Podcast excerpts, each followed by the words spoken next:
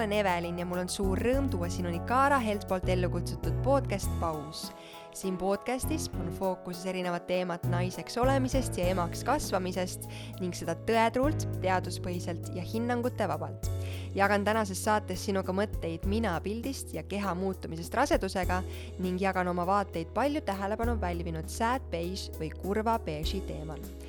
tänast saadet toetab Hedon Spa, kelle ainulaadses ning õdusas Pärnu spaakompleksis on saadaval uus majutuspakett Beebi ootus. nii keha kui meelt lõõgastav puhkus peatsetele lapsevanematele koos majutuse, rikkaliku hommikusöögi, spaamõnude ja hoolitsustega, mille seas eriline massaaž lapseootel naisele ning erimassaaž kaaslasele.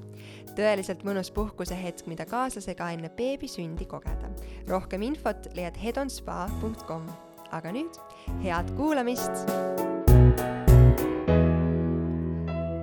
tšau, tšau, tšau. nagu sa juba ilmselt aru said, siis täna minu vastas külalist istumas ei ole ja mul on taas kord rõõm ja au ja hirm või pigem elevus, teeme nii, et see on elevus. Äh, elevus rääkida ja jagada enda mõtteid, vastata teie poolt esitatud mõnele küsimusele, mis te Instagrami vahendusel saatsite ja jagada võib-olla selliseid teemasid, mis kuidagi on ähm, just praegusel perioodil äh,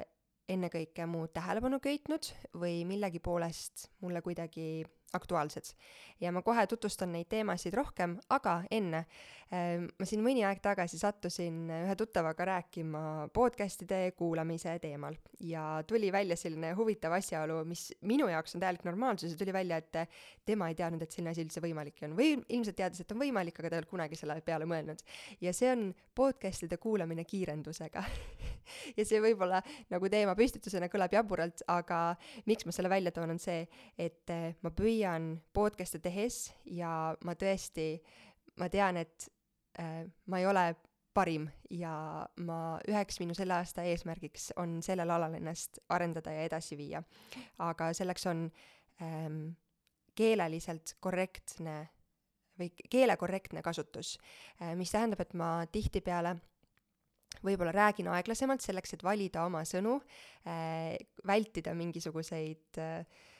parasid sõnu, mis mul võib-olla tavapärases äh, kõnes äh, rohkem äh, esile tulevad ja ka, ja ka podcast'e tehes tegelikult on väga palju selliseid asju, mis iga kord, kui ma podcast'e üle kuulan, mõtlen, et aa, miks mul oli vaja nii öelda või miks mul oli vaja naa öelda. ja on asju, mis mind ennast tohutult häirivad, aga ma tegelen sellega ja ma väga-väga püüdlen sinnapoole, et rääkida järjest paremini, soravamalt, kasutada häid mahlakaid väljendeid. aga mis seda puudutab ja miks see podcast'i kiirendusega kuulamise jutt siia sisse tuli, on see, et äh, tihtipeale, kuna ma valin väga, äh, kuidas ma räägin, sest minu jaoks on meie keele hoidmine hästi oluline, siis minu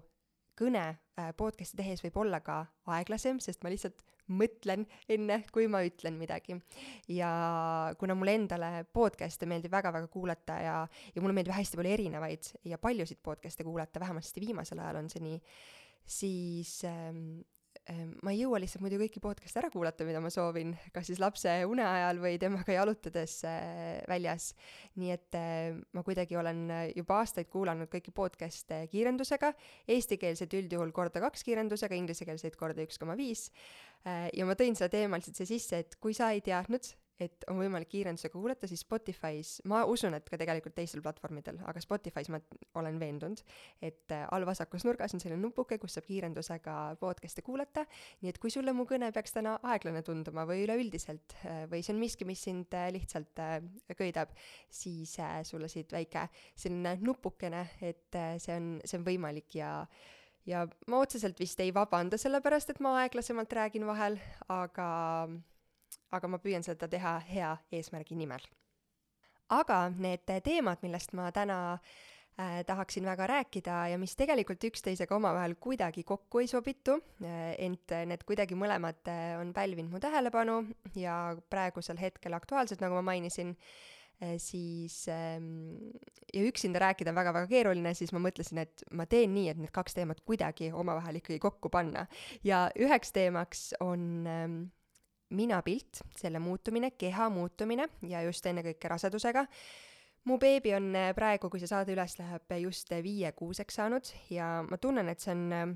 kuidagi selline hea aeg äh, võtta kokku see teema, et millised olid mu ootused, kas mul neid oli, milli-, kuidas mu keha muutus ja, ja kuidas see taastumine üleüldiselt on olnud kes, miks see viis kuud võib-olla selline hea aeg on minu enda silmis, on see, et kes kuulas või, või kes mäletab äh, saadet Helle Nurmsaluga, kus me rääkisime ennekõike küll vaagnapõhja lihastest äh,, nende treenimise vajalikkusest ja, ja taastumisest äh, pärast sünnitust, siis äh, Helle tõi küll välja selle, et kui kiiresti peaksid taastuma siis nagu keha sellised füsioloogilised omadused ja tegevused ja ja selline nagu normaalne elu äh, tagasi tulema äh,, kui ma nii saan öelda e,. aga ka sellise enesetunde poolt äh, minu jaoks see teema on selline põnev äh, ja on mitmeid asju, mis mind on üllatanud selle tee jooksul ja ma tunnen nüüd, et selle viie kuuga ma olen saanud, saanud jõudnud kohta kus mul on hea sellest rääkida teiseks teemaks, mis nagu ma ütlesin, mitte kuidagi selle esimesega ei haaku, on hoopis äh, praegu aktiivselt äh, leviv ja suurt tähelepanu äh, pälvinud sad beige, selline liikumine, trend, teema, mis siis ähm, on orbiidile võtnud praeguse trendi riietada oma lapsi neutraalsetesse maalähedastesse toonidesse, anda oma lastele mänguasju ainult mängimiseks, mis on neutraalsetes maalähedastes toonides ja võimalikult naturaalsetest materjalidest. ja üleüldiselt sellise neutraalse keskkonna loomine enda ümber, kus võib-olla liigselt äh, vikerkaarevärvilisi asju ja esemeid ei ole, äh, aga see teema kuidagi kõnetas mind, sest ma tundsin ennast selles, nendes mõtetes natukene ära ja mul on selle kohta oma arvamus ja ma tean, et me teeme seda podcast'i hinnanguteta ja käsi südamel ma ütlen siin, nagu toon juba enne selle teema lahkamist välja selle, et ma ei pane absoluutselt mitte kellelegi silti külge ja ma ei taha ka seda iseendale panna äh,, lihtsalt kõikidel, kõikide nende teemade puhul äh, on plusse ja miinuseid ja mina oma elus olen võtnud eesmärgi vältida äärmuslikke olukordi, äärmuslikku mõtteviisi. Ja ma selle teema puhul lihtsalt tunnen, et võib-olla siit on jälle sellised äärmuslikud mustrid välja rebitud sellest üldisest suurest plaanist, mistõttu äh, lihtsalt ma mõtlesin sellel teemal jagada, sest äh, see, mul on tunne, et see kõnetaks paljusid. ja lõppu äh,, et see, see podcast ikka kuidagi äh, äh, mitte kahe äh, väga erineva teema põrkumisega lõpetada, siis äh, Teil oli võimalus äh, mõni aeg tagasi siin äh, podcast äh, pausi Instagrami kontol küsimusi ja mõtteid mulle saata ja ma võtan mõned nendest küsimustest ka ette, mis te saatsite, nii et need saame siin saate lõpus ka veel välja tuua. nii et väga pikk sissejuhatus, aga ma loodan, et et sul on selline mõnus päev, ma ei tea, kas sa jalutad praegu või lihtsalt oled kodus pannud endale taustaks podcast'i ja, ja saame koos mõtiskleda nendel äh, teemadel. mina pilt on hästi selline üldine tegelikult ju see koosneb väga paljudest erinevatest ähm, valdkondadest, asjaoludest äh,, see võib puudutada nii sellist emotsionaalses, emotsionaalset äh, ja intelligentsust ja tarkust ja teadmisi, aga ma, ma täna toon fookusesse rohkem just keha ja välimuse ja seda selle, seetõttu, et ähm, on siililegi selge, et äh, naise keha muutub rasedusega väga-väga palju ja ja ma olen sattunud viimasel ajal äh, paari oma tuttavaga sel teemal rääkima ja ma olen ka näinud sotsiaalmeedias äh, neid tõstat-, nagu sellel teemal tõstatatud küsimusi, mis on minu jaoks hästi hästi põnev olnud jälgida. ja ma pean kohe välja tooma selle, et ma olen aastaid tahtnud emaks saada ja minu jaoks lapse saamine on nii, nii, nii suur õnn, et äh, mitte miski ei saa olla kuidagi suurema tähtsusega või, või valmistada mulle suuremat mure või üldse tõmmata mu tähelepanu äh, rohkem kui selle lapse ja selle uue elu loomine. ehk siis äh, ma ei ole kunagi muretsenud äh, otseselt oma keha muutumise pärast äh, või, või selle pärast, milline mu keha pärast rasedust välja näeb või kas ma saan kunagi oma keha tagasi ja seda öeldes ma teen sõrmedega jutumärke, sellepärast et äh, tihti öeldakse või tuuakse välja seda, et sa ei saa kunagi oma keha tagasi. ja ma jõuan küll selle juurde tagasi, aga kas me ka peame kunagi oma keha tagasi saama või, või mida see, et me oma keha tagasi ei saa, mida see tähendab, sest meie keha on ju kogu aeg meil olemas. ja see ei kao mitte kuhugi, lihtsalt võib-olla on mõned väikesed asjad, mis muutuvad, aga kas me saame äkki midagi selle nimel teha, et kas neid asju muuta oma keha juures või oma mõtteviisi nende muutu-, muutuvate asjade osas välimuses äh, ise muuta. ma olen sellega täiesti nõus, et äh, emaks saamine äh, ja emaduse roll on tegelikult jah, see on üüratult tähtis, see on väga-väga elumuutev ja see on tohutult suur asi äh, ühe pere jaoks ja ennekõike selle naise jaoks. samas ma usun seda, et naine jääb ikkagi naiseks ja ja kuigi see ema roll tuleb sinna juurde, siis ja, ja seda ka, et alguses äh, ma nägin just üks päev ühte väga head postitust Instagramis, äh, kuidas äh, oli toodud pilt, et üheksa kuud on beebi sinu sees, siis on asjad, mida nagu välja var-, ei, varem ei toodud või millele ei osatud tähelepanu pöörata, on see, et üheksa kuud see beebi on nüüd sinu küljes, sest tema tegelikult veel ei saa aru, et ta on eraldiseisev inimene. ja siis sellest veel järgmised üheksa kuud ta on lihtsalt sinu lähedal ja ta tahab tohutult seda lähedust ja beebid vajavad seda lähedust ehm, aga võib-olla sealt nagu järjest aegamisi, aegamisi edasi ja kui laps kasvab ja, ja ühel hetkel ta ju läheb ikkagi oma eluteed, siis see naine, kes selle lapse ilmale tõi, jääb ikkagi naiseks ja ema on uhke tiitel, aga ma usun, et veel olulisem tiitel on toita ja hoida seda naist endas. ja see ei ole kuidagi egoistlik mõtteviis või, või ma ei tea, äärmuslik minu silmis, et me ikkagi peaksime end ka naistena hoidma äh, nii oma tervist, oma välimust, oma mõtteviisi, et meil oleks iseendaga hea olla. ja seetõttu ähm, ma küll ei ole muretsenud kunagi oma keha muutumise pärast, aga seesama mõte äh, hoiab mind iga päev, et ma tahan olla enda jaoks äh, heas vormis, tervislik ähm,, näha enda jaoks heas äh,, hea välja, ka oma abikaasa jaoks, sest esiteks see paneb mind ennast paremini tundma, aga teiseks läbi selle mina suudan olla oma lapsele parem ema äh,. kui jah, on küll neid päevi, neid nädalaid, kus äh, nädal aega pulstunud äh, emme krunn on kuskil pealael äh, kokku klopsitud ja ja hea, kui hambad saab pestud äh, päeval kella kaheks, aga ma näiteks olen tundnud ise, et ma olen palju parem inimene, ma olen palju parem ema, kui ma enda jaoks teen ennast korda ja ma näen hea välja. Äh, ja see võib olla lihtsalt pelgalt viis minutit mu pä-, hommikust, kui ma ruttu kammin juuksed ära ja panen äh, näokreemi näkku ja pesen hambad ära aga see on hästi-hästi oluline ja see võib olla siin nagu selle suuremate äh, lapse saamisega seotud muuda-, muutustega kehas kokku ei käi, aga see on lihtsalt üks väikestest asjadest, kuidas ma olen tundnud, et välimusel paraku on jõud minu ähm, heaolule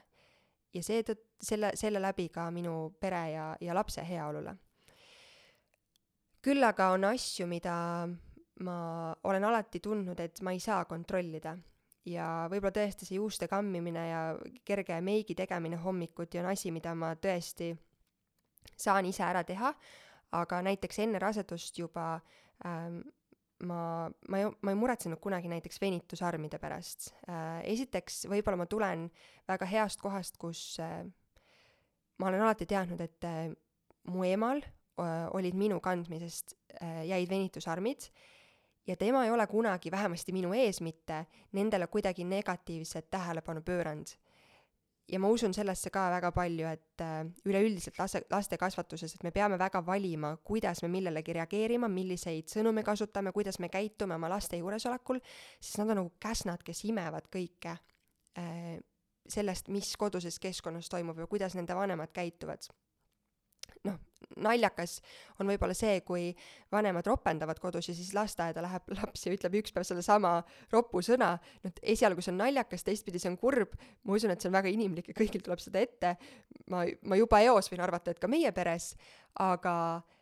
see, see on lihtsalt selline üks väike asi, mida on võimalik ka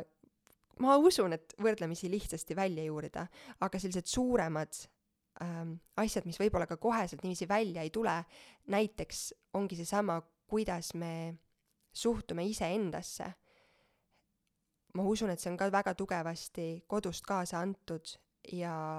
ja lapsed õpivad seda väga palju oma vanematelt. ja ma jõudsin nüüd hirmsa ke-, keerutusega siia teemasse, aga nagu ma ütlesin, siis ma ei ole kunagi näinud, et minu ema viitaks oma venitusarmidele kuidagi negatiivselt või üldse pööraks neile mingit erilist tähelepanu, sest see on tema keha, see on osa tema kehast ja ma mäletan kuidagi, et ma lapsena olen selle kohta küsinud, aga ma, ma lihtsalt teadsingi, et need on minu kandmisest, see on normaalne ja ma ei ole kunagi, kuidagi saanud kaasa seda taagat, et see, et venitusarmid oleks koledad või, või millegi poolest kuidagi negatiivselt eristuvad või erilised. Küll aga juba ähm,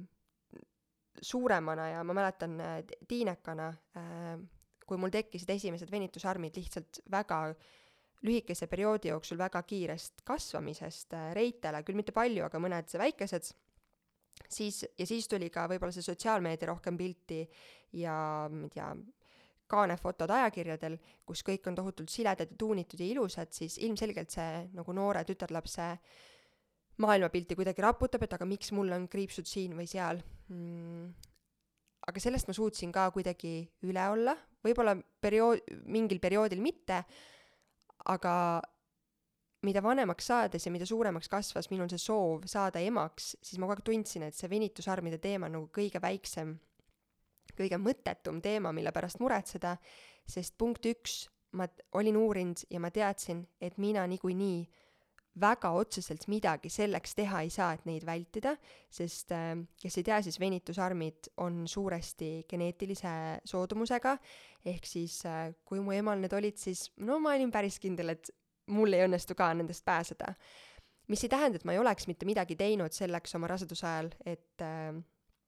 neid kuidagi vältida või, või pehmendada, vältida otseselt vist mitte, sest seda ma teadsin, et ma seda teha ei saa, aga, aga kuidagi jah ära hoida võib-olla kõige hullemat et äh, ma vist alates kuueteistkümnendast rasedusnädalast äh, õlitasin ja kreemitasin igal hommikul ja igal õhtul oma reisi, tuharaid, kõhtu äh,, rindu ja ma usun, et see oli kuskil kolmekümne tea teise rasedusnädala kanti, kui ma märkasin esimesi venitusarme oma reitel. Eh, mitte midagi suurt, mitte midagi katastroofilist ja jah, see esimene emotsioon võib-olla on, et ah oh, pekki, aga samas see ei olnud taaskord minu jaoks midagi tohutut äh,, kur-, tohutult kurvastavat või, või negatiivset e. ja see kõik on ilmselt see mõtteviisi küsimus olnud kogu see, kogu see aeg äh,. mul võib olla, ma pean selle välja tooma, et mul, ma ei taha öelda, et mul on lihtne rääkida, aga ma ei tahaks, et ka keegi arvaks minust, et mul on lihtne rääkida, sest ma rõhutan veel kord, et ma usun, et kõik sellised asjad on mõtteviisi küsimused ja lihtne rääkida võib-olla nagu just selles kontekstis, et äh, ma võtsin rasedusega juurde seitse kilo, äh, millest haiglast äh, koju tulles ma olin alla võtnud juba üheksa. mu laps kaalus sündides neli kilo, nii et äh, ma ei võtnud nagu tohutult palju juurde, ainus, mis mul tõesti tekkis, oli tohutult suur kõht, aga kui selja tagant mind raseduse ajal vaadata, siis üldjuhul keegi ei saanud arugi, et ma rase olen. Ja kui ma siis suure hooga ümber pöörasin, siis vaadati, ah oh,, suur kõht, palju õnne! Et, et võib-olla selle poolest on mul lihtne justkui rääkida, et mu keha ei muutunud nagu katastroofiliselt või väga-väga palju. katastroofiliselt on, Evelin, väga-väga vale sõna, mida siin kasutada. Teeme nii, et ma ei öelnud seda sõna just, aga et kehad on väga-väga erinevad, kõik teavad seda ja igaüks ähm,, igaühe kogemus ja rasedus on erinev. ehk siis ma usun, et äh, kuigi me saame teha midagi selleks, et pehmendada just seesama hommikuti, õhtuti õlitamine, äh, kreemitamine, oma naha masseerimine, mida väga soovitatakse, siis ma arvan, liigselt muretseda selliste asjade pärast ei ole mõtet, kui see eesmärk või põhjus, miks need asjad meie ellu tulevad või tekivad, näiteks need venitusarmid, on palju suurem ja palju üllam ja palju positiivsem, mida on väikese beebi äh, saamine. küll aga oli üks asi äh, sellise kehalise muutumise juures äh,, mis äh, kuidas ma ütlen, oli natukene võib-olla ehmatav ja mitte sellepärast, et ma ei teadnud, et see juhtub, vaid see tuli nii ootamatult, sest ma arvasin enda peas, et ma olen sellega rahu teinud äh,, aga tegelikkuses hormoonide möllus ja kõiges muus see tuli nagu väga tugevalt esile. ja teate, ma arvasin, et ma ei räägi mitte kunagi sellistest asjadest avalikult ja mul on seda tegelikult väga-väga raske praegu teha, sest äh, kust otsast ma alustan huh.? üksinda esiteks on väga-väga raske rääkida, teiseks on sellistel teemadel veel raskem rääkida, rääkida, aga ma teadlikult selle teema äh, siia oma mõtetesse ja, ja keynote idesse täna ka sisse panin, sest äh, tegelikult see on nii normaalne ja selleks teemaks on seks ähm,. see on nii normaalne, me räägime lastest, me räägime laste saamisest, aga lapsi saadakse suuremas osas ühel teel ja seks on justkui jätkuvalt mingi tohutult tabuteema, mida jagavad ainult väga vähesed, aga samas, millega me kõik samastume ja mida me kõik, äh, ma ei tea, podcast idest äh, kuulame,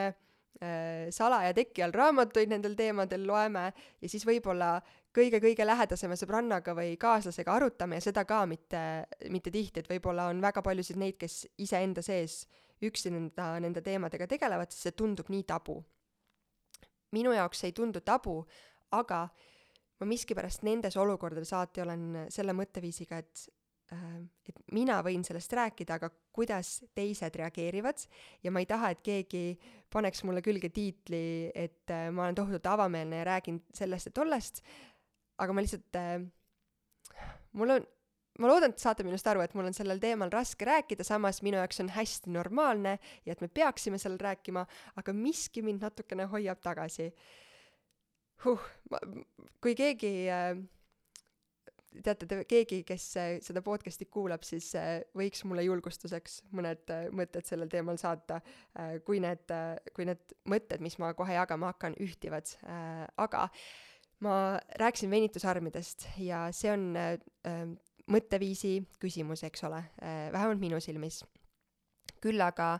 mis, äh, mis ma teadsin, et äh, vähemalt alguses muutub ja mis ma arvan, et on ka paljude hirm ja ma olen oma sõbrannade pealt näinud, et on palju hirm, on see, kuidas sünnitusega, vaginaalse sünnitusega kõik sealt alt muutub, sest see on ilmselge, et et ähm, kui avatus on kümme sentimeetrit ja, ja sealt pressib läbi ennast laps, siis midagi ju muutub ma olin äh, enne sünnitust väga palju lugenud ja uurinud ja mingeid kogemuslugusid äh, sirvinud, kus äh, kõik ütlesid, et äh, või, või kuidagi tuli läbi see sõnum, et jah, see muutub alguses, aga see taastub ja siis sa isegi ei saa aru, et sa oleksid sünnitanud ja, ja selline pirakas laps oleks äh, sealt välja tulnud. ja see tundus nii loogiline sel hetkel ja ma üldse nagu pikemalt ei mõelnud sellele ja siis ma olin sünnitanud ja tulin koju ja ma ausalt öeldes, ma pean tunnistama, et ma olin ahastuses äh,, sest kindlasti andis sellele oma hoobi ka ähm, hormonaalne tasakaal ja selle muutumine äh,, kuidas emotsioonid käisid virvarr ja üles-alla, aga ma olin väga-väga mures ähm, ja võib-olla kahel põhjusel. esiteks, ma olin just mõned nädalad enne sünnitust abiellunud oma tänaseks abikaasaga ja mul oli selline tunne, et ta jätab mind maha ja ta ei taha mind enam mitte kunagi. ja lisaks nagu emotsionaalsele tundele või sellele mõttele, et ta mind ei taha mitte kunagi, ma pean kohe ütlema, et selleks ei olnud tegelikult mitte mingit alust ja me oleme sellest nii palju rääkinud ja ta on, ta on väga-väga hea abikaasa, ta on veel parem isa. ja ma usun, et ta vähemasti täna ma ma alati püüan endas hoida seda realis-, realistlikku meelt ja tean statistikat, kui paljud paarid lahku lähevad, aga vähemasti täna ta ei ole kuskile meie juurest minemas ja meil on kõik väga hästi. ja ta hindab mind tohutult naisena ja emana ja hindab mind veel rohkem äh, tänu sellele, mida ta on näinud, et ma olen läbi teinud. aga just see, et me olime äsja abiellunud ja siis ma tundsin, et aga minu keha on nii palju muutunud, et miks ta peaks mind enam kunagi üldse tahtma ja lisaks muudele olukordadele või muule elule, miks ta peaks mind kunagi voodis tahtma enam, sest ma olen ju nii teistsugune. see ei ole, et seks ei ole kunagi tema jaoks ega ka minu jaoks see, mis ta on olnud. ja sellele abielule nagu teine teema oli see, et jälle Evelin ei taha nendest tabudest jutumärkides teemadest rääkida, aga ma lubasin, et ma olen see saade väga avatud äh, ja aus, siis raseduse ajal ähm, oli seks, mida ma olen kogenud, parim üldse, mida ma olen kunagi kogenud. ehk siis see äh, laine nagu laineharjalt sinna auku äh, sünnitusjärgselt, kus on veritsus ja ebamugavus ja vastik ja ja, ja ka ei tohi seksida kuni ämmaemanda siis järelkontrollini või naistearsti järelkontrollini, siis see oli nagu päris suur põnts emotsionaalselt ja midagi, millega ma nagu ei osanud arvestada, sest jah, ma olin lugenud, et muutub, aga see taastub kõik ja see ei ole mitte midagi, et naised kujutavad seda endale ette, et kõik on teistsugune äh, alt, aga tegelikkuses ma ju tundsin, et kõik on teistmoodi. ja ma olin täiesti šokeeritud, et kuidas üldse midagi peaks minema samas rütmis kunagi edasi, nagu see varem oli. põhjus, miks ma tunnen täna, kui mu laps on viiekuune, ehk siis viis kuud on möödunud äh, sünnitusest, et mul on hea sellest rääkida, sest fast forward neile, kes kas täna on selles olukorras või on nende hirmudega silmitsi, siis ma võin käsi südamel öelda, et tänaseks on kõik taastunud ja kõik on väga hästi. ja jällegi see hirm oli lihtsalt sõltul- äh,, sõltuvalt sellest perioodist ja ka mingil määral ootamatusest, sest ma kogesin seda kõike esimest korda. mu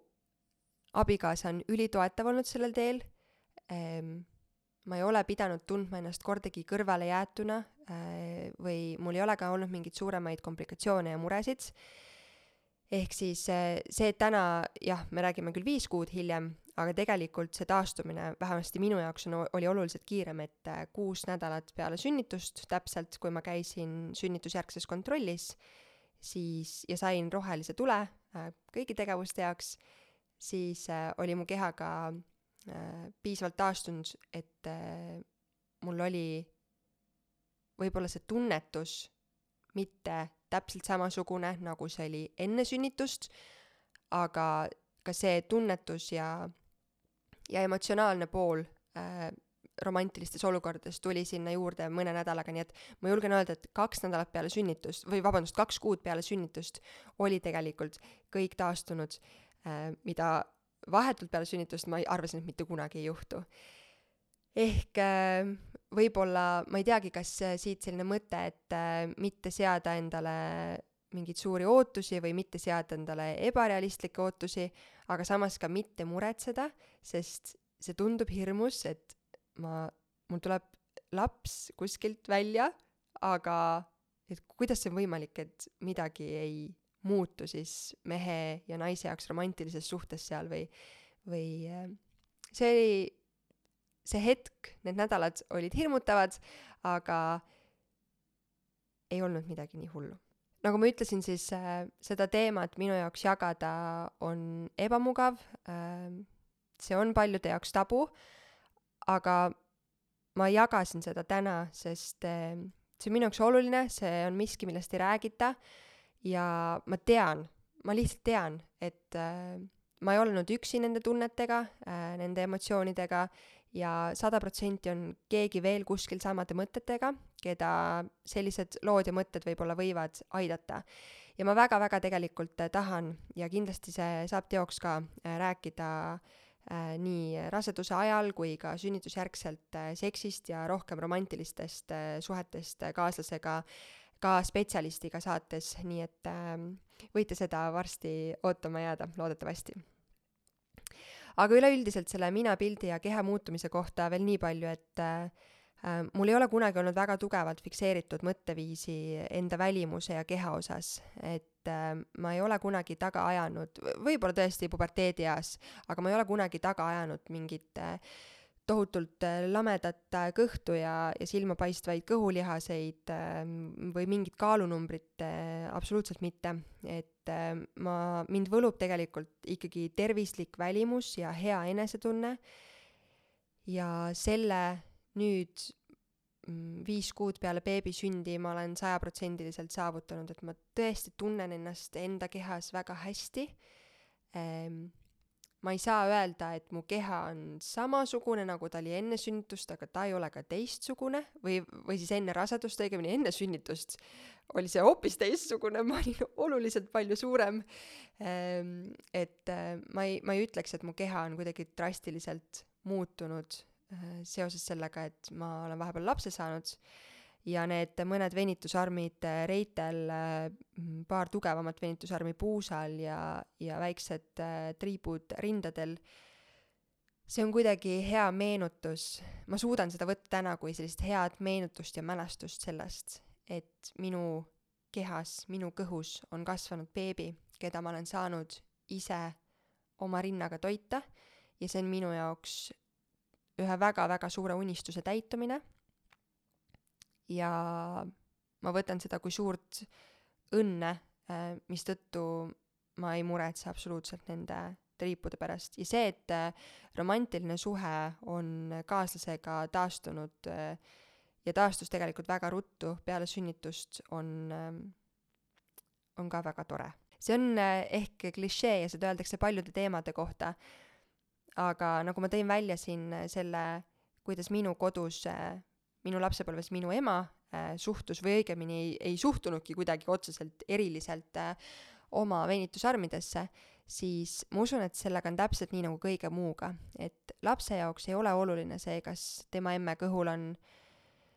ma ei tea, silmapaistvad kõhulihased või, äh, või on tal mõni triip kõhu peal või puusa peal või pepu peal, et lapse jaoks on oluline, et ta ema on õnnelik, et ta ema on terve, kes jaksab temaga koos joosta, möllata ja on tema jaoks olemas. ma sada protsenti usun sellesse, et me ei peaks mm, ühiskonnas äh, kuidagi esile tooma mingeid kindlaid kehakujusid või mm, eelistama üht teisele või kuidagi kaantele panema ainult äh, tohutult kauneid, saledaid, pikki naisi, sest kõik naised on kaunid, ükskõik äh, milline nende välimus on. küll aga ma ei saa ka seda öelda, et ma plaksutaksin kahe käega ja elaksin kaasa nendele, kes äh, ülistavad äh, plusssuurusi ja, ja võib-olla natukene kogukamaid kehasid, sest minu silmis see ei ole tervislik. ja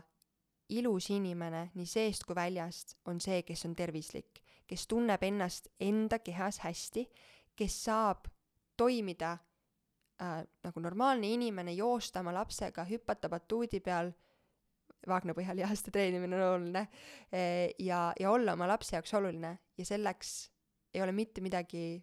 mm, paremat, kui hoida oma keha äh,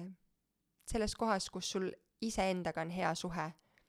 ei ole vaja ajada taga mingeid iluideaale või ajakirja esikaante pilte või sotsiaalmeedias nähtud, et äh, see, kuidas me iseennast tunneme, on nii-nii palju olulisem kui mis tahes muu ja see, et me oleksime oma tervisega head sõbrad ja et me hoiaksime seda. ja minu meelest tervislik ongi ilus. selle mõttega ma jõuan aga teise teemani, äh, mis ma välja tõin, millest ma rääkida soovin ja selleks on sad beige või siis kurb beež äh,, selline liikumine, teema äh,, hot topic mis ma saan aru, et tegelikult alguses sai ähm, tähelepanu osaliseks hoopis TikTokis ja Instagramis. Ja kui ma õigesti hääldan ja vabandage, kui ma seda ei tee, siis selle teema püstitas Hailey Deroche, Deroche, igaks juhuks, vot ma ei tea, kumb on, aga Hailey, kes siis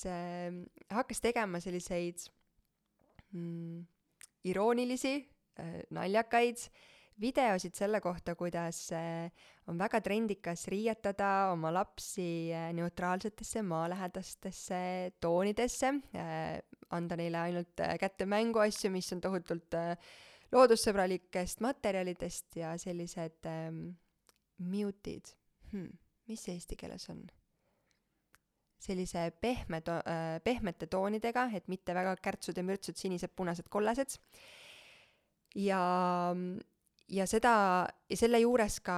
on rõhutatud seda minimalismi ja sooneutraalsust äh,. ja tema on selle välja toonud justkui äh, et need lapsed, kes siis näevad nendes riietes sellist välja ja, ja kes mängivad selliste mänguasjadega sellises keskkonnas, on, näevad välja justkui äh, orjad või, või vaeslapsed äh,. ma soovitan tegelikult kõigil minna vaatama Instagramis äh, Sad Beige, Action äh, official sad beige konto uh,. Need, need tõesti on nagu humoorikalt tehtud videod uh,, mis ta seal jaganud on või Tiktokis samamoodi, et noh, kui sa neid pilte vaatad, siis tõesti, ma pean ka tunnistama, et kui sellele viidati sellise, selliselt, siis äh, jah äh,, ka mul tekib mingisugune seos võib-olla sellise vaeslapse äh, pildiga äh,, aga ähm, seal nendes videotes ja artiklites ma tegelikult jõudsin selle teemani hoopis ühest äh, The Guardiani artiklist ja ma ei teadnud mitte midagi sellest, et see on TikToki ja Instagrami selline, äh, Instagramis alguse saanud teema, aga see on nüüd väga-väga palju tähelepanu pälvinud üle kogu maailma ja sellest on sellest naisest ja, ja tema ise on välja andnud väga palju artikleid ja, ja publitseeritud hästi mitmes eri vaates kogu seda teemat ja, ja ta on välja toonud selle, et justkui see, millised lapsed ehm, välja näevad ja justkui milline see trend on, et kõik on väga maalähedane, ehm, beež, mm, ilma liigse kära ja müra ja vikerkaare värvideta, et see tähistab justkui sotsiaalselt äh, tänapäeval sellist kõrgklassi, kuigi äh, sadu aastaid tagasi või, või sada aastat tagasi äh, tähistas see rohkem sellist alamklassi, et kuidas selline sotsiaalne staatus on väga-väga palju muutunud ähm,. see kogu teema kõnetas mind ja ma tundsin selles ära ennast seetõttu, et äh, võib-olla kes mind isiklikult sotsiaalmeedias jälgib, siis teab, et äh, minu sotsiaalmeedia on ka näiteks äh, täis pilte, kus on pigem neutraalsed toonid, äh, pildid vist kui mitte kõik, siis enamus, äh, kus äh, ma olen postitanud, kui mu laps mängib millegagi või mis mul seljas on või mis mul lapsel seljas on, siis need tõesti on ka äh, neutraalsed toonid. Ähm, mu lapsel nendel piltidel on ilmselt neutraalsed mänguasjad, mis ilmselt on ka mingisugused mm, rohkem looduslähedastest materjalidest aga ma ei taha öelda, et päris elu on teistsugune, sest ka see, mida ma jagan ise oma isiklikus sotsiaalmeedias, on päris elu minu jaoks, siis võib-olla jah äh,, taustal äh, meil on ka mänguasjakastis värvilisi, piiksuvaid, laulvaid äh,, sädelevaid mänguasju, täpselt samamoodi, nii nagu paljudes peredes ja ja võib-olla ennekõike see kõnetas mind äh, sellepärast, et äh, see on taaskord see sotsiaalmeedia võlu ja valu, et äh, me nõuame justkui sisuloojatelt ma, ma olen seda näinud väga palju, et palun ole autentsne, palun jaga seda, mis on päris ja sisuloojad ütlevad, et aga see ongi päris, ma jagangi oma päris elu. me peame nagu tarbijatena aru saama seda, et ükskõik kui päris ja kui autentsne see sisu ka ei oleks, siis reaalsuses sotsiaalmeedia või Instagrami postitused äh,, Youtube'i videod, mis iganes, see ei kajasta mitte kunagi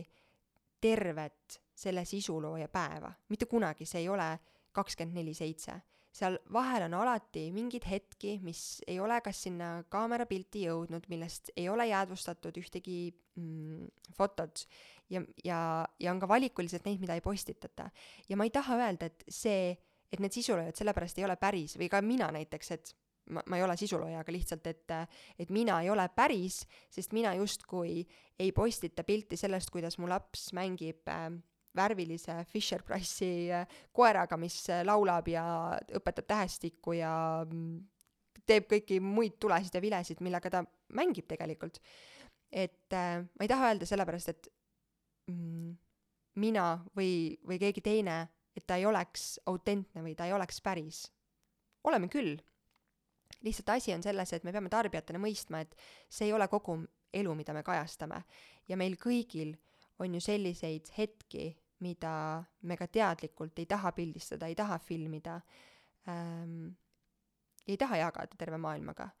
et ühtepidi siin on teadlikkus, aga teistpidi ka reaalne elu, et me ei jõuagi ja miks, miks keegi peaks äh, käima kakskümmend neli seitse kaamera enda küljes kinni ja, ja seda jagama ähm,.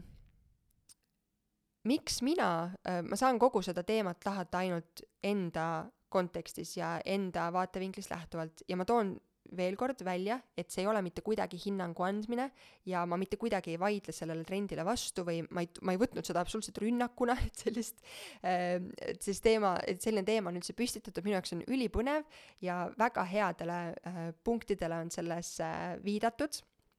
millest kindlasti mul on ka õppida äh, ja kõigil on, aga miks mina näiteks olen juba ammuilma enne lapse sündi valinud kas või iseennast võimalusel äh, riietada neutraalsetesse toonidesse, on äh, üli sellised äh, mm, tavalised põhjused.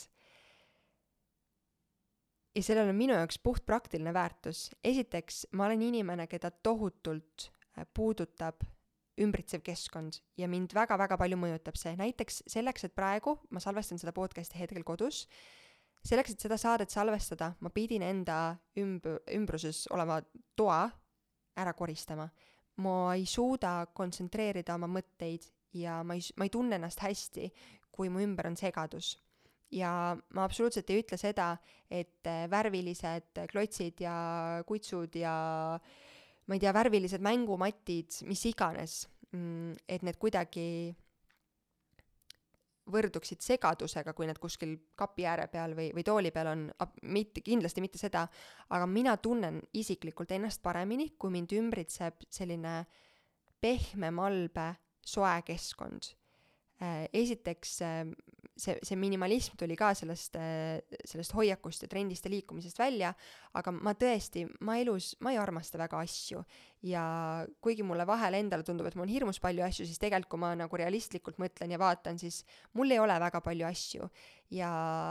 see annab mulle ruumi rohkem elamusteks, kogemusteks, seiklusteks ja avab mul nagu muid võimalusi, et ma kindlasti ei kasvata oma last üles selliselt, et tal on ainult kaks mänguasju ja mänguasja ja kui mõni teine, kolmas mänguasi meie koju satub, siis tuleb nagu valida, et milline jääb ja milline läheb. absoluutselt mitte, aga just see, et see, milline mind ümbritsev keskkond on ja ka lapse puhul, see tegelikult mõjutab väga palju seda, kuidas me iseennast tunneme. ja ma tunnen ennast nii-nii palju paremini, kui minu ümber on puhas ja meeldiv keskkond see sa-, täpselt seesama, et see teeb mind paremaks emaks, nii nagu teeb mind paremaks emaks see, kui mul on juuksed kammitud, hambad pestud ja ja võib-olla kerge päevameik tehtud näkku ja puhtad riided on seljas, siis ma tunnen ennast ise nii-nii palju paremini ja läbi selle ma olen parem kaaslane, parem ema, parem sõbranna ja nii edasi.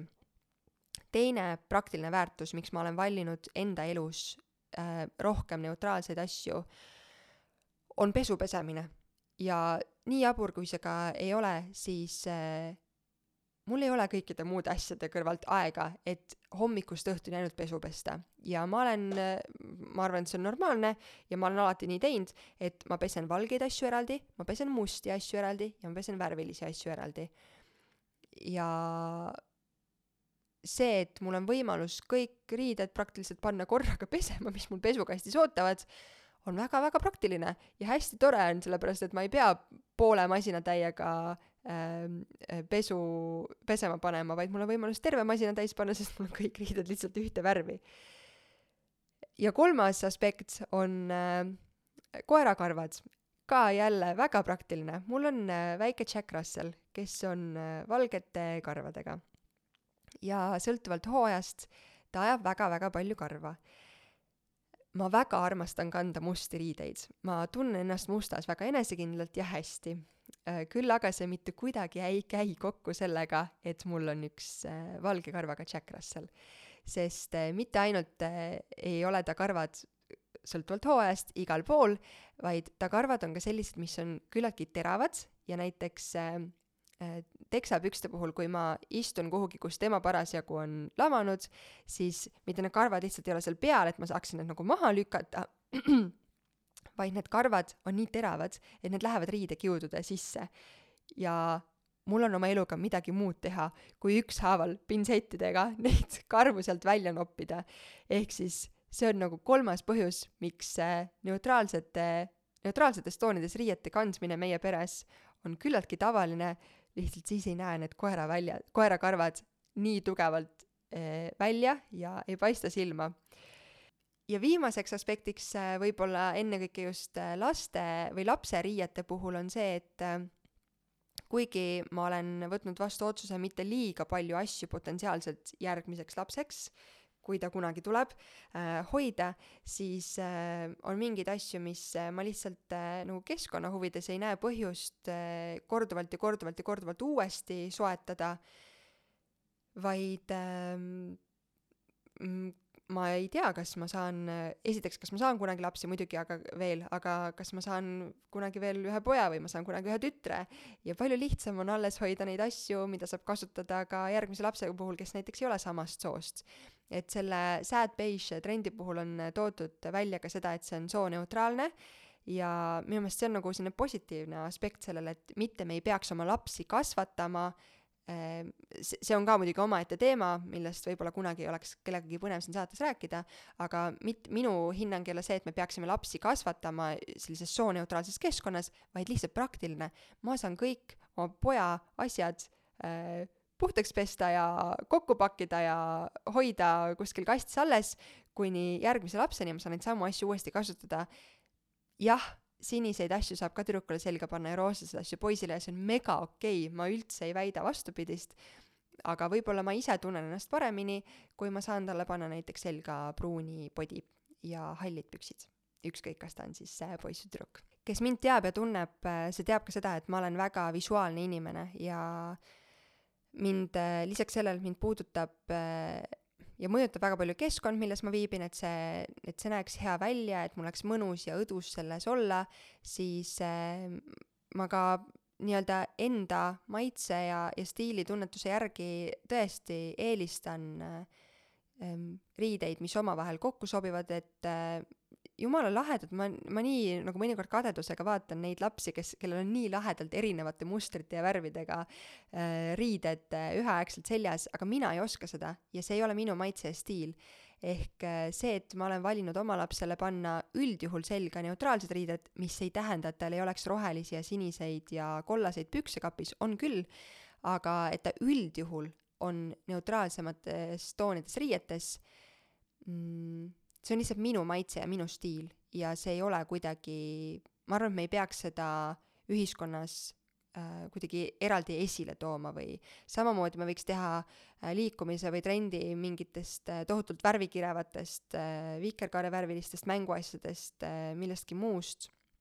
et ma arvan, see lihtsalt ei ole aspekt, millele üldse kuidagi otseselt viidata küll teine asi sealjuures, mida ka Sad Beige äh, kontodel on välja toodud ja artiklites, on äh, lapse arengupool. ja, ja sellele ma, selle juurde ma tulen ka kohe tagasi, aga nagu ma enne ka ütlesin, siis ma ei ole oma suhtumises absoluutselt äärmuslik ja ma olen täiesti veendunud, et iga ema tahab oma lapsele parimat ja ainult, et see parim on kõigi jaoks väga erinev. et mõne jaoks on parim see, kui ta saab pakkuda kord päevas sooja toitu ja mõne jaoks on parim see, kui ta suudab äh, teha kolm korda päevas äh, süüa vaid mahetoidust või mahetoorainest. Ähm, mõne jaoks on parim see, kui ta suudab pakkuda oma lapsele looduslikest materjalidest mänguasju ja, ja ainult kõige-kõige kvaliteetsematest kangastest rõivaid. et need ootused ja soovid ja see parim, mida me suudame vanemana pakkuda oma lapsele, on kõikidel erinev ja seetõttu ma usun, et see ei kuulu ka kellegi teise poolt äh, kritiseerimisele või, või hinnangute andmisele. mis äh, on välja toodud ja mis on hästi põnev teema, on see, et need neutraalsed mänguasjad äh,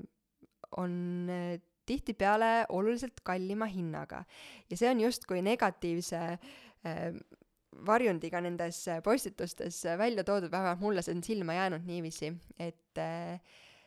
et justkui viidatakse sellele, et, et need on, et see on tootjatepoolne viis rohkem teenida ja oma ärisid arendada, sest need neutraalsed mänguasjad ja riided on nii palju trendikamad, et nende eest saab küsida palju rohkem raha. ja vabalt see võib olla niiviisi aga ma ise, äh, see ei ole alati nii, aga ma olen ka ise näinud ja mille põhjal mina olen tihti oma valikuid teinud lapse asjade puhul näiteks,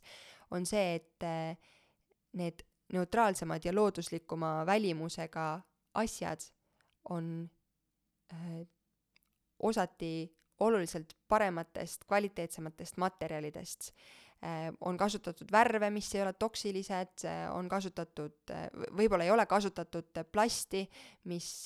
kuidagi võiks lapse mm, organismi ja, ja tervist mõjutada. Ja ma ei saa väita, et see on kõikide mänguasjade puhul nii, absoluutselt ei ole, ta-, täpselt samamoodi ka rõivaste puhul aga see on jällegi iga ema enda valik ja kui eh, on võimalus soetada kallimaid mänguasju, ükskõik, kas need on punased, sinised, hallid või beežid, eh, siis ja on võimalus ja soov oma lapsele parimatest parimat pakkuda, siis see on sinu valik ja sina teed seda. nii nagu ma enne ka ütlesin, siis mu lapsel on täpselt samamoodi kõlisevaid, helisevaid, väga värvilisi mänguasju, lihtsalt see on see, mis võib-olla, mida ei ole kajastatud näiteks sotsiaalmeedias üleüldiselt minu meelest värv on nii minoorne tegur, mida kuidagi fookusesse võtta, et palju olulisem ongi see, et need mänguasjad, millega meie lapsed kokku puutuvad, ma ei tea, toidunõud või äh, riided või mis tahes muu, mis on kuidagi lapse elukeskkonnas äh, nagu väga lähedal, et need oleksid ohutud. ja ma tean, et et Eestis ja Euroopas üleüldiselt on väga tugevad äh, nõuded ja standardid ja mul on selle üle ülimalt hea meel, aga jätkuvalt olen mina näinud müügil äh, kas või noh, hea näide on see, et ma olen näinud müügil neid vanniparte, mille, mille kohta ma usun, et nüüdseks on kõik juba väga teadlikud. mina olin väike äh, ja mina mängisin nendega, ma usun, et kõik on oma lapsepõlves, kes seda kuulavad, mänginud äh, vannis nende vannipartidega, kus on auk põhjas ja kus läheb vesi sisse. Ja, ja nüüd on nagu väga-väga hirmsaid pilte ja videosid ja lugusid sellest, kuidas sinna vannipardi sisse koguneb hallitus. Ja kui sa selle mõne aja pärast siis äh, lahti lõikad ja näed, mis seal sees on, siis see on äh, sõna otseses mõttes õõvastav äh,, rääkimata sellest, milliseid tervisekahjustusi põletik on need mänguasjad lastele tekitanud et see, kas see kummipart on nüüd kollane või roheline või beež, on täiesti ebaoluline selle kõrval, et see vannipart oleks ohutu su lapsele ja tema tervisele. täpselt samamoodi on minu meelest lapsevanemana oluline jälgida seda, et millised mänguasjad äh, lapsel nagu tegelikkuses kasutuses äh, ja, ja mängumati peal on. et on väga-väga palju selliseid mänguasju tegelikult, mille äh, mis laulavad, tantsivad ja mille heli on oluliselt kõvem, kui väike laps äh, suudab kannatada kas meil endal tuli koju üks mänguasi, mis äh, on muidu väga-väga lahe, aga sellel on üks helkiv tuluke. Ja mina täiskasvanuna ei suuda vaadata äh, sellises hämaramas toas seda tulukest, sest see on minu silmadele nii tohutult ereda valgusega. Ja ma üldse ei kujuta ette, mida see beebil on, ehk siis ma praegu olen selle mänguasja sahtlisse pannud ja võib-olla, kui mu laps on natukene suurem ja ka seda keskkonda enda ümber nagu näeb natukene teistmoodi, on rohkem harjunud selliste asjadega, siis ma hea meelega annan talle selle tagasi, aga me peaksime vanematena rohkem valima äh, ja kindlasti kõik vanemad seda teevadki äh,, aga keskenduma sellele äh,, millised on nende mänguasjade omadused, et need oleksid ohutud meie lastele. miks mind on paelunud natukene see kurva beeži teema ja, ja mis ma ka praegu ütlesin, et äh, et on nii palju rohkemat, mis meie lapsi mõjutab, äh, siis ma tõesti ähm, usun seda ja, ja, ja näen, et äh, me pöörame vanematena väga-väga palju tähelepanu sellele ähm,, mida meie lapsed äh, söövad ja, ja milliste mänguasjadega mängivad äh, ja võib-olla isegi peaksime veel rohkem tähelepanu pöörama, aga minu meelest on veel rohkem olulisem näiteks see, milline on vanemate omavaheline suhtlus, äh, milline on nende suhtlus lapsega, kuidas nad omavahel olles käituvad, millised on need emotsioonid, mis esile tulevad. Äh, kas lapse sotsialiseerumiseks nähakse vaeva, kas teda panna, kas teda viiakse kodusest keskkonnast ka kaugemale, kohvikutesse, teatrisse, kontsertidele, trennidesse ma ei taha väita, et kõik peaksid igal pool käima. Ähm, mulle meeldib ka oma lapsega mõnusasti lihtsalt kodus äh, mängumati peal sossutada ja, ja pereselt siis lihtsalt aega veeta. aga ma olen ka väga lähedaste äh, inimeste pealt äh, paraku näinud, et ähm, ma tean, et keegi ei, ei solvu, sest kõik on sellest teadlikud ka ise, aga kuidas lapsed, kes on sündinud koroonakriisi alguses ja nad ei ole võib-olla liiga palju teiste lastega saanud aega veeta, äh, ühises ruumis viibida, liiga palju näha ja kogeda, siis nad on muutnud, muutunud nagu väga äh, sellised uued olukorrad hirmutavad neid ja nüüd on nendega äh, siis mitu aastat meil juba sellest Covidi alguskriisist möödas on, aga nüüd on väga raske äh, neid viia sellistesse sotsiaalsetesse olukordadesse. äh, et neil ei oleks ebamugav, et nad ei kardaks kohti ja inimesi ja, ja et nad harjuksid nende erinevate eh, olukordadega. ehk siis lisaks sellele, milliste mänguasjadega meie lapsed mängivad, me peaksime palju rohkem tähelepanu pöörama hoopis sellistele üldistele elulistele asjadele vähemasti mina näen seda, et äh, ma tõin selle ropendamise siin enne välja, et kuidas lapsed imavad nagu käsnad äh, ja, ja seda, kuidas ema enda kehasse suhtub ja kuidas see võib tema lapse sellist enesepilti tulevikus mõjutada, aga ka üleüldine suhtlus kodus, kuidas me räägime, kuidas emme ja issi räägivad omavahel, kuidas me lapsega räägime, kuidas me talle reageerime, kui äh, kui palju me nagu siis päris kvaliteetaega temaga veedame, kui palju me võtame lapsi endaga kaasa äh, kohvikutesse, restorani, mm, teatrisse, anname neile võimaluse kogeda elu. minu meelest see on nii-nii oluline. ja jah, ma praegu ütlesin seda kõike ja mõtlen, et äh, sama oluline on emmele Issile kvaliteetaeg ka ja minna kahekesi kohvikusse ja teatrisse. aga täpselt samamoodi lapsi kaasata sellesse, et näidata nendele elu ja mitte lihtsalt neid äh, lahedaid värvilisi või mitte nii värvilisi mänguasju. usun, et on, on palju-palju olulisemat, millele tähelepanu pöörata. ja ikka ja jälle, õnnelikud vanemad on see miski, mis äh, arendab minu silmis meie lapsi kõige rohkem. et ähm, kui ma tõin ennist välja selle, et ma tunnen ennast ise naisena paremini, äh, kui ma olen hoolitsetud väljanägemisega, siis ähm, ja tihtipeale, kui ma olen lapsega kahekesi kodus, siis mul on ülikeeruline leida seda viit minutit, et ennast valmis sättida, aga kuna ma tean, et see on minu jaoks oluline ja seetõttu see on ka mu lapse jaoks oluline, sest siis ma olen su-, terve päeva ma olen temaga rõõmsamas, tujus ja parem ema talle äh,, siis jah äh,, on soovitus näiteks, et äh, laps võiks äh, lamamistoolis äh, istuda selliselt, et kümme minutit lamamistoolis võrdub kakskümmend minutit mati peal. kuna meil on koer, siis ma ei jäta mitte kunagi äh, oma last äh, tuppa mängima niiviisi, et ma ise lähen eemale, vaid alati siis üks nendest kahest on minuga kaasas ja üldjuhul on see laps, kes tuleb minuga. kuna vannituppa ma temaga mängumatti kaasa ei võta, mul on oluliselt lihtsam võtta ta lamamistoolis endaga vannituppa kaasa, et ma saaksin ennast hommikul korda teha ja tunneksin ennast paremini, siis tihti võib-olla see kümme minutit selline soovituslik äh, aeg ähm, lavamistoolis viibimiseks on ületatud, aga äh, see on millegi üllama nimel ja kindlasti mul laps ei ole labamistoolis tunde äh, seal päeva jooksul, aga see, kas ta on nagu kümme minutit, viisteist minutit või ka kakskümmend minutit vajadusel, on väiksem mure selle kõrval, kui mina oleksin talle mitte nii rõõmus ema. sest ma usun seda, et äh, kui mina olen õnnelik, siis mu laps on veel palju õnnelikum. Samamoodi nagu Melissi on küll väga suur telekafänn, aga ma näiteks äh,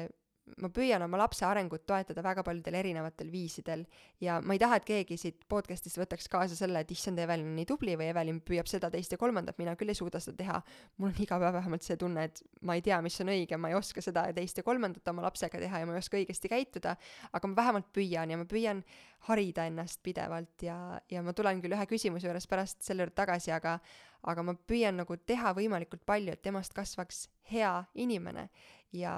heaks inimeseks ei saa lihtsalt äh, mänguasjaga mängides, ükskõik siis, kas see mänguasi on neutraalsetest puidust äh,, neutraalsed puidust klotsid või mõni värviline laulev koer, sellel ei ole vahet ähm,. kui ma tõin välja selle, et, et issi on meil suur telekafänn, siis äh, noh, see on lahe, äh, ma olen võtnud vastu otsuse, et ma püüan kaheksateist kuud äh, ehk siis kuni lapse pooleteiseaastaseks saamiseni pigem ekraane talle mitte näidata millega ma juba täiega fail isin, sest kui mu laps oli ähm, kaks nädalat järjest haige ja ma pidin talle inhalatsiooni tegema, siis ainus viis, kuidas mu viiekuune beebi istuks rahulikult mul süles, et ma saaksin talle selle auru ette panna, et ta, et ta, et ta saaks oma köha sellega natukenegi leevendada, oli see, et ma panin telekast Detektiiv Lotte muusikali mängima, mis laulu ma olen talle sünnist saati laulnud ja see lihtsalt võlustada ja ta oli nagu valmis tänu sellele seda inhalatsiooni tegema, et neid valikuid igapäevaselt on nii-nii palju lapsevanemana, ka mitte lapsevanemana, aga eriti lapsevanemana. ja ma arvan, lihtsalt nendest kehvadest valikutest tuleb enda jaoks välja valida parim. ja kuigi ma arvasin, et ma olen see ema, kes ei näita oma lapsele ekraane, siis see telekas äh, kolm minutit kuni viis minutit äh, on päästnud äh, selle, et mu laps on nüüd vähemasti terve ja tal on hea enesetunne vot, ja, ja seotud laulmise muusikaga, siis äh, jah, ma alustasin enne seda neli korda aga ma alustan viiendat korda uuesti, et kui issi on meil suur telekafänn, siis vähemasti see aeg, kui me oleme lapsega kahekesi kodus, ma püüan võimalikult palju mängida muusikat ja mängida näiteks äh, võõrkeelset muusikat, sellepärast et äh, ärge mind tsiteerige selle koha pealt, aga nii palju, kui ma olen lugenud ja uurinud, siis näiteks muusika kuulamine, ka ise vanematele, vanematena laulmine, mida ma teen kogu aeg, mul on selline tunne, et vahepealt ma ainult hommikust õhtuni laulan oma lapsele, et äh, see aitab tal potentsiaalselt tulevikus paremini keeli omandada. ja see on lihtsalt äh, põnev ja, ja selliseid asju, tulen uuesti selle juurde, mis tegelikult meie lapse arengut mõjutavad on nii palju rohkem kui see, mis värvi keskkonnas või riietes või mänguasjadega meie lapsed aega veedavad.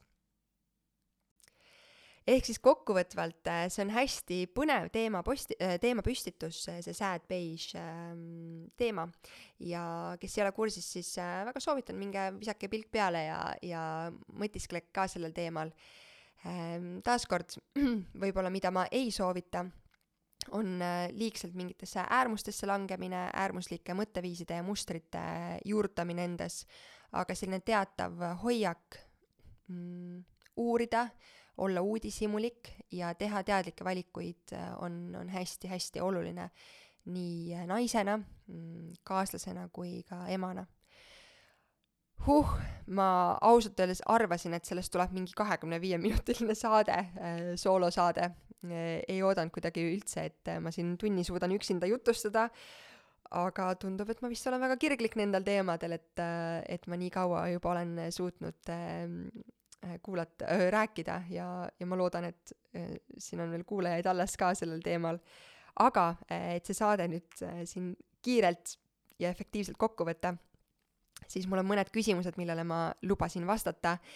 ja esimeseks küsimuseks eh, on see, et eh, mis on mind enim üllatanud lapsevanemaks saamisel ja mis on olnud kõige raskem.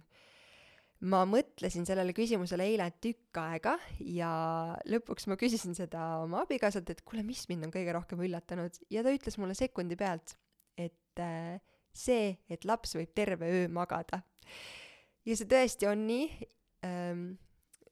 uneteema, ma tean, et me võtame ka kohe varsti ette ja spetsialistiga on sellest hästi põnev rääkida, aga lihtsalt see tõesti on mind üllatanud, sest äh, ma olen tõmmanud lotoga tõesti selle super närvisüsteemiga beebi. muidugi ta on mu väga mu abikaasasse nii välimuselt kui ka tundub, et äh, ähm, siis äh, vaimselt, sest äh, mu abikaasa on ülimalt rahulik ja täpselt nii on mu, ka mu beebi, kes äh, alustas terve öö äh, järjest magamist ilma ka söömiseks ärkamata, tõesti nagu terve öö äh, magamist alates ühekuuseks saamisest. Ja ta tegi seda kuni ma arvan, et nelja poole kuuseni, nüüd viimastel nädalatel ta on hakanud seal hommikupoole ööd äh, kuskil viie paiku, nelja-viie paiku ärkama ja ja endast märku andma, aga ta tõesti terve need mitu kuud magas terve öö, nii et ma vahepeal ei teadnud üldse, mis asi on unetus et äh, mul on selles suhtes väga, väga vedanud sellega ehm,. see on kõige rohkem üllatanud. küsimuse teine pool, et mis on kõige raskem olnud, siis ähm, oh, sellest võiks ka terve saate teha, aga hoolimata sellest, et ma olen tegelikult ju päevad läbi koos lapsega ja, ja väga palju ka on issi meiega, siis ähm, see on hästi raske teema tegelikult äh,. aga ma olen tundnud ennast väga-väga üksi. ja võib-olla ma siin pikemat äh, kommentaari sellele ei teegi, äkki meil õnnestub kellegagi sellel teemal eraldi saade teha aga see on täiesti uskumatu tegelikult, kuidas selline üksindustunne, hoolimata sellest, et sa oled oma kõik kõige kallimatest inimestest ümbritsetud, äh, võib äh, nagu väga tugevaks äh, muutuda.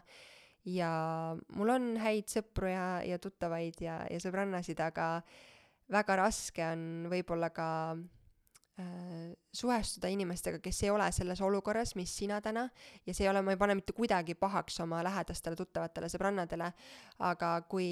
kui ei ole lapsi ja ei ole kogetud sedasama, siis, äh, siis väga raske on ka võib-olla toeks äh, olla nendel hetkedel.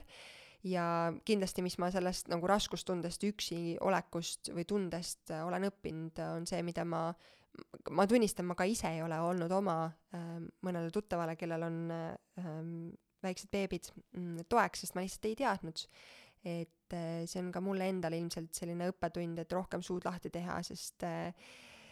abi vist äh, ise ei tule, kui seda ei küsi teine küsimus, kuidas jõudsite kallimaga otsuseni laps saada ja kuidas seda partnerilt küsida mul on tunne, et siin on ainult üks õige vastus ja selleks on kommunikatsioon. Äh, mul on väga vedanud kaaslasega, et me oleme algusest peale olnud üksteisega väga avatud. Äh, me alati väljendame oma tundeid ja mõtteid ja emotsioone ja ma üldse ei kujutaks ette olla suhtes, kus ma ei saa rääkida kõigest, mis mul keelel on oma kaaslasega. et ähm, see võib olla väga raske ja ma tean, et suhted on hästi-hästi erinevad, aga mul on kuidagi tunne, et kui sa ei julge oma kaaslasega sellest rääkida, ähm, ehk siis laste saamisest näiteks rääkida, siis ilmselt ei ole ka kas suhe õiges kohas või kaaslane õige, kellega lapsi saada. et selleks, et olla, et saada lapsi ja olla väga hea lapsevanem, peab olema äh, kodus selline väga-väga hea äh, toetav äh, keskkond ja hea kommunikatsioon, et ähm, see ongi vist mu ainus vastus sellele ja ma loodan, et ma ära ei ehmatanud sellega, et äh, ei ole õige suhe või õige kaaslane, aga, aga ma usun, et lihtsalt suhtlus äh,, ausus on kõige, kõige olulisem äh, nende teemade arutlemiseks ja, ja lapsevanemana sinna äh, ka jõudmiseks. aga otsuseni, kuidas me jõudsime, me mõlemad meil on mõlemal peres lapsed siis õed ja vennad sellistes igades, et me oleme näinud juba nagu oma teadlikus eas väikeste laste kasvamist kõrvalt. me mõlemad oleme alati teadnud, et me soovime pigem noorelt lapsevanemateks saada ja, ja kuidagi me olime lihtsalt arutanud seda ja see hetk tundus õige ja, ja soodne selline pinnas olevat, kust me selle otsuse tegime, et nüüd me proovime rasedus ja lapse saamine, mida arvasid enne, kuid mille osas on arvamus muutunud? Eh, see on väga-väga põnev küsimus. ja sellele on mul vist veel põnevam vastus, et eh, ma olen olnud alati suhteliselt selline, ma ei taha öelda, et kontrollfriik, aga mulle meeldib, kui ma kõike tean ja enne lapse saamist, siis raseduse alguses juba mul oli selline tunne, et ma pean kõike teadma ma pean kõike teadma raseduse kohta, ma pean kõike teadma sünnituse kohta, ma pean kõike teadma lapse kasvatamise kohta, eh, ma ei tea, püree ja näputoidu kohta, kuidas eh, valida, mis on õige, mis on vale, ma ei ütle, et üldse õiget ja valet on, see oli vale väljend siia praegu, aga millised on head mänguasjad ja mis suuruses riideid kohe, millal mul vaja on ja nii edasi ja nii edasi, et et ma pean kõike teadma, mul on alati olnud see suhtumine ja mida vanemaks ma saan, seda rohkem ma olen saanud aru, et ma ei pea kõike teadma. et äh, palju on ka sellist infot, mis kuidagi aeg õpetab ise ja, ja sa jõuad ise õigel hetkel selleni, et väga raske on ennast koormata selle mõtteviisiga, et, et juba enne, kui ma millegagi alustan või enne, kui ma kuhugi jõuan, ma pean selle kohta kõike teadma, aga rasedus ja lapse saamine oli üks nendest asjadest, kus ma tundsin, et ma pean kõike teadma. Ehk siis ma arvasingi seda eh, ja ma olen aru saanud, et mitte ainult ma ei pea kõike teadma, vaid kuidagi need õiged asjad tulevad õigel hetkel minuni. et on tohutult koormav elada selle mõtteviisiga, et ma pean iga päev tohutult palju infot läbi töötama ja tegema mingeid otsuseid ja valikuid, kui ma isegi ei ole veel seal kohas. Eh, lihtsalt eh, kuna praegu on meie peres aktuaalne lapsele lisatoidu varsti pakkumine, siin kuu aja raadiuses, siis äh, mul oli juba nagu raseduse keskel tunne, et ma pean teadma, milliseid püreesid või millist näputoitu ma pakkuma hakkan äh,. ja see kuidagi tiksus mul ka kuklas ja mul oli nii raske sellega elada, sest ma ei jõudnud mitte kuidagi muude asjade taustal nende teemade mm, teemadeni ja enda harimiseni selles valdkonnas. ja ma jõudsin selleni alles nüüd, tehes äh, ühte e-kursust ja siis ma sain nagu eriti nüüd seda tehes ma sain aru, et ei pea kõike teadma ja väga okei okay on võtta rahulikult ja ei pea käima kõikidel koolitustel ja kursustel ja, ja vahel on mõne asjaga ka lihtsam, kui kõike ei tea. ehk siis eh, selle osas on ilmselt mu arvamus kõige enam muutunud. siis siin on üks huvitav küsimus eh, suhete kohta vanavanematega ja enda jagamine perekondade vahel ja tea, sellega on meie peres vist äh, võrdlemisi lihtsasti läinud, et äh, minu, minu peres on selline nali, et meil on suguvõsa kokkutulek siis, kui meil tuleb vanaema külla, kuigi meil on rohkem sugulasi kuskil mööda Eestit laiali, siis äh, me ei ole otseselt nagu väga-väga lähedased, ehk siis kuna minu pere on küllaltki väike, aga meie peres on jälle väga ähm, tugevad traditsioonid, siis mi-, juba minu lapsepõlvest saati, ma ei tea, näiteks jõulude või, või äh, sünnipäevade või millegi muuga seotult, siis äh, kuidagi need tulevad alati prioriteetsuse listi sees äh, ja see ei ole kuidagi nagu nõmedalt öeldud või, või mu abikaasal on väga hea meel selle üle ja teda hoitakse mu peres väga-väga hästi. ehk siis see on nagu prioriteet number üks ja, ja kuna mu abikaasa pere on võib-olla natukene noh, oluliselt palju suurem, aga, aga selliseid ühiseid eh, seiklusi ja tegemisi on natukene vähem, siis äh, sellist otsest olelusvõitlust äh,, kuidas, kelle juurde, millal sõita, mida tegema peab, meie perede puhul ei ole, et kõik tuleb kuidagi loomulikult ja heas omas tempos. ja ma olen olnud seda usku alates sellest ajast saati, kusjuures üks mõte siia vahele, et äh, ma ei tea, miks inimesed küsivad või seda küsitakse, et millal te pere loote, äh, võrdub justkui küsimusega, et millal te lapse saate. või, või pere loomine justkui tähistab seda, et,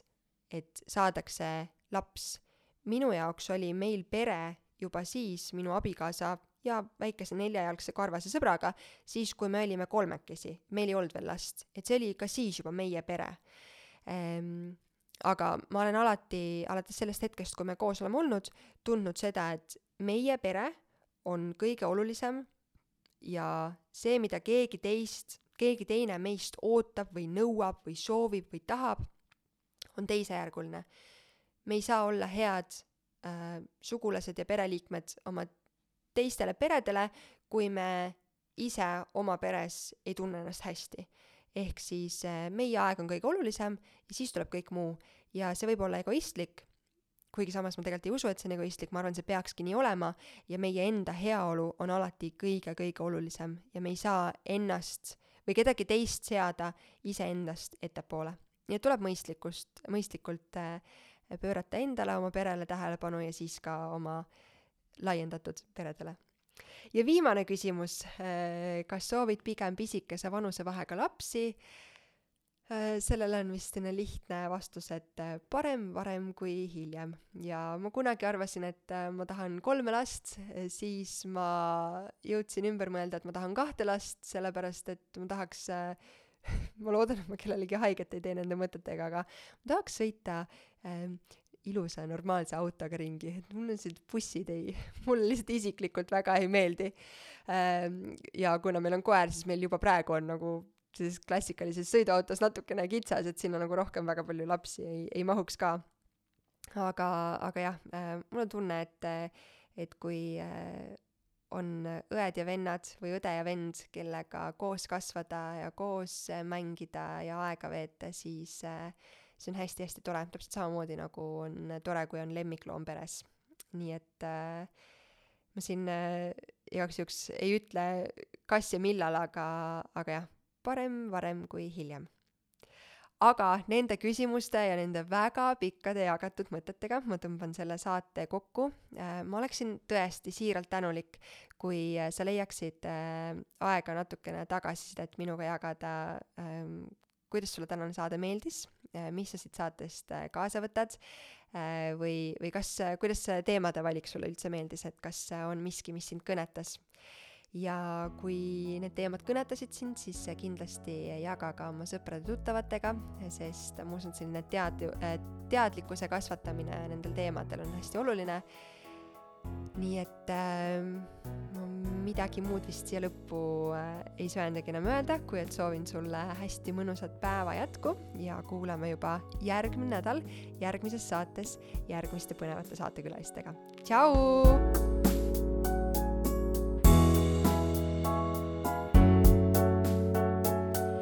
saate toob sinuni Kaara, naiste tervise ja heaolu edendaja rasedus- ning emadusperioodil vaata lähemalt kaarahelts.io